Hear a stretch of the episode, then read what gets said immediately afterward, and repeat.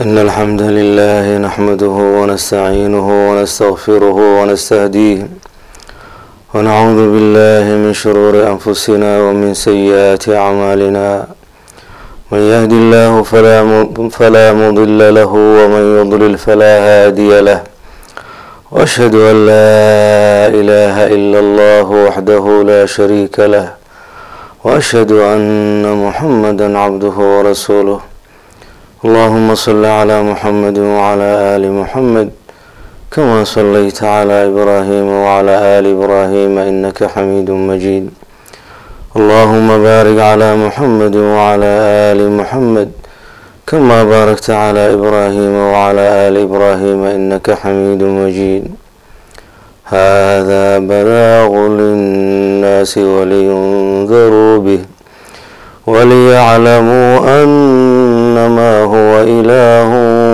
واحد وليذكر أولو الألباب xaaladda ay ku nool yihiin bini aadamka guud ahaan maanta gaar ahaana ummadeena soomaaliyeed waa xaalad uu dareemayo qof kastoo damiir leh oo qalbigiisa uu nool yahay waa xaalad ciriiri badan oo dhib badan oo colays badan oo wareer badan. Soo kuma xaq noqon bini aadamka dushooda waciidka ilaahay. Haa wuu ku xaq noqday.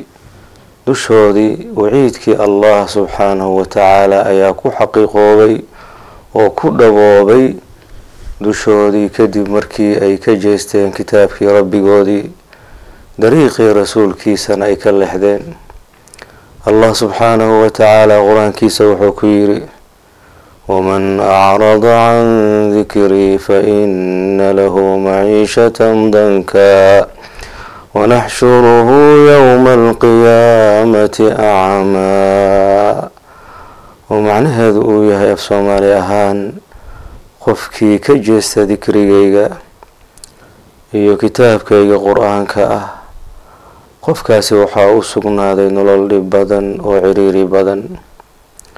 Waxaana soo kulmin doonaa maalinta aakhiro isagoo indhala.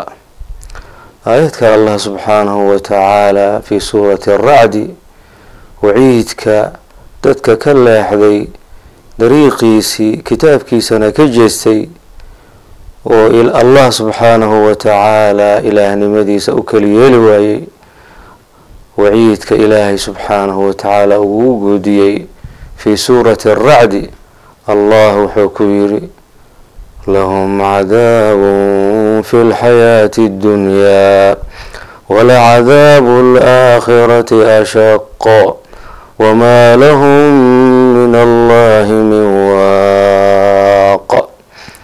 Waxaa u sugnaaday dadkaas ka jeesta kitaabka rabbigoodii dariiqii rasuulkiisana ka leexday oo allah subxaanahu watacaala ilaahnimadiisa iyo cibaadadiisa u keli yeeli waayey cadaab ayaa nolosha adduunyada ugu sugnaaday. Cadaabka aakhira ayaana ka daran. Wax ilaaliya oo badbaadiyan alla sokodiisa ama alla cadaabkiisa wax ka badbaadiya heli maayaan uma sugnaanin aayad kale allah subxaanahu watacaala isla fii suurati racdi wuxuu ku yidhi ولا يزال الذين كفروا تصيبهم بما صنعوا قارعة بما صنعوا قارعة أو تحل قريبا من دارهم حتى يأتي وعد الله ولا يزال الذين ka zuuli maayaan kuwa diiday allaah keligiisa inay caabudaan oo kitaabkiisa ay raacaan kuwii diiday ka zuuli maayaan in ay ku dhacayso mar walbaba musiibo ayaga garaacaysa. Wadnahooda iyo quluubtooda argagixinaysa. Wixii ay sameeyeen darteeda oo kufri iyo shirki iyo icraad iyo fasaadka ay sameeyeen darteed mar kasta in ay asiibto ama ay ku dhacdo musiibo iyo qaarica oo ka argagixisa oo ka walwalisa mar kasta ka zuuli maayaan ayaga inay ku dhacayso ama meel u dhow inay ku dhacayso ka zuuli maayaan soo ma aragno maanta adduunka meelo badan inay ka dhacayaan qaraxyo iyo dhulgariiryo iyo dhibaatooyin badan yacni abaaro iyo musiibooyin. Waxaasoo dhan waa waciidka ilaahay weeyaan. Oo markay ka jeesteen dadka kitaabkii rabbigoodii dariiqii rasuulkiisana ay ka leexdeen. Ayagay ku dhacaysaa ama meel u dhow bay ku dhacaysaa. Ilaa ilaahay wacdigiisii uu ka yimaado subxaanahu wa tacaala waddankeena maanta waan ka garan karnaa walwalka iyo cabsida yacni dadka ay ku nool yihiin iyo qarax intee buu kula kugula dhici doonaa? Ama intee buu kugula kulmi doonaa? Cabsidaas iyo walwalkaasi maanta in lagu nool yahay aad iyo aad baan u dareemaynaa maaragta waxyaabaha kaloo murugada leh oo qof kastoo damiir leh qalbigiisa uu noolya uu dareemayo waxa weeyaan in ummadda islaamka sheeganaysa maanta ay iska raacayaan ama ay ahaa ama ay iska raaci jireen acdaadooda talooyinka iyo mabaadi'da iyo baaqyada ay u meeriyaan sida dimuqraadiyadda iyo cilmaaniyadda. Ayagoo u malaynaya inay ku gaarayaan horumar nabadgelyo iyo nolol wanaagsana inay ku helayaan baaqyada iyo talooyinka iyo mabaadi'da acdaadooda. Mar kasta ay u keenaan ayay iska raacayaan.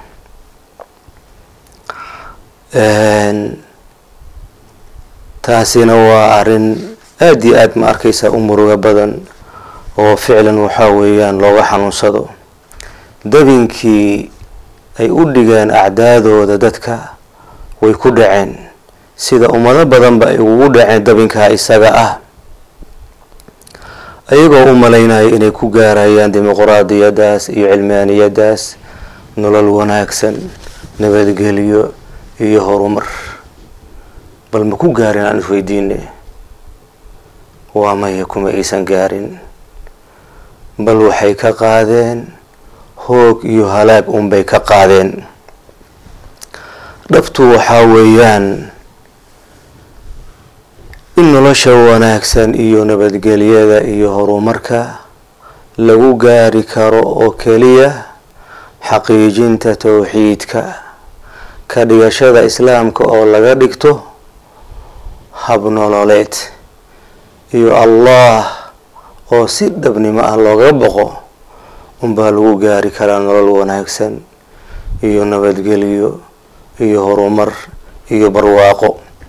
Allah subxaanahu wa tacaala qur'aankiisa wuxuu ku yidhi walow ana ahla alquraa aamanuu waataqow lafataxnaa lafataxnaa calayhim barakaati min alsamaai waalard walakin kadabuu faakhadnaahum bima kanuu yaksibuun oo macnaheeda af soomaali ahaan uu yahay dadka magaalooyinka degan hadday allah rumayn lahaayeen iyo rasuulkiisa iyo qur'aankiisa oo ay ka cabsan lahaayeen waxaanu u furi lahayn barakooyin baan u furi lahayn xagga samada xaggeed aan uga furi lahayn roob iyo ma arkaysaa barwaaqo iyo barakooyin baan u furi lahayn.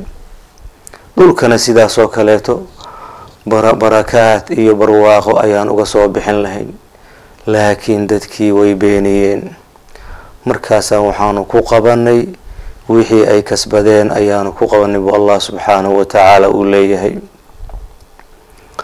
Aayad kale allah subxaanahu wa tacaala qur'aankiisa wuxuu ku yidhi man camila saalixan min dakarin aw unthaa wahuwa mu'min falanuxiyanahu xayaatan tayiba qofkii sameeya oo camal fala wanaag ha ahaado lab ama dhadig ha ahaado waxaanu noolaynaynaa buu allah uu leeyahay nolol wanaagsan aayad kaloo saddexaad allah subxaanahu wa tacaala wuxuu ku yidhi aladiina aamanuu walam yalbisuu iimaanahum bidulm ulaa'ika lahum اlamnu wahum muhtaduun kuwa allah rumeeyey iyo rasuulkiisa iyo kitaabkiisa rumeeyey oo aan ku dheehin ama aan ku labin iimaankooda wax dulmi ah oo loola jeedo wax shirki ah kuwaasi waxaa u sugnaaday amni iyo nabadgelyo ayaa u sugnaaday. Kuwaas unbaana hanuunsan oo waddadii saxda ahayd waddadii xaq ahayd ku toosan. Haddaba annagoo jecel bini aadamka guud ahaan gaar ahaan ummadeena soomaaliyeed inay ka badbaadaan xaaladda xun oo murugada badan ay ku nool yihiin. Nolol wanaagsan iyo nabadgelyo iyo horumarna ay u gaaraan. Liibaan adduunyo iyo mid aakhirana ay u helaan. Waxaan halkan uga soo jeedinaynaa mowduuc u noqonaya daawo iyo badbaadin xaaladda maanta ay ku sugan yihiin. Mowduucaas oo uu yahay allah oo keliya addoon loo noqdo. Waa in allah oo keliya addoon loo noqdo. Muxaadaraad ahaan baan u soo jeedin doonaa iyadoo ay ka koobnaan doonto hadduu ilaahay yiraahdo dhowr xalaqadood. Xalaqada koowaad waxa waxay noqon doontaa ama aan ku soo bandhigi doonaa waa maxay addoonnimo? Xalaqada labaadna waxay noqon doontaa allah keliya oo addoon loo noqdo maxay tahay? Xalaqada saddexaadna waxay noqon doontaa waa maxay waxyaabaha keenaya in allah oo keliya addoon loo noqdo? Xaalada xalaqada afaraadna waxay noqon doontaa addoonnimadu waa sifo iyo tilmaan ay ku sifaysan yihiin makhluuqaadka oo dhan. Xalaqada shanaadna waxaan uga hadli doonaa hadduu ilaahay yiraahdo addoonnimada insaanka maxay ugaga duwan tahay? Addoonnimada makhluuqaadka kale. Xalaqada ugu dambeysana waxaan ku soo qaadan doonaa oan ugaga hadli doonaa hadduu ilaahay yiraahdo miraha laga helayo marka allah oo keliya addoon loo noqdo. Maanta intaas ayaan ku soo gabagabayneynaa kelimadeenna iyo warkeenna. Waa inuu xalaqada soo socota xalaqada koowaad hadduu ilaahay yiraahdo. Wabillahi towfiiq wallahu calaa maa naqulu wakiil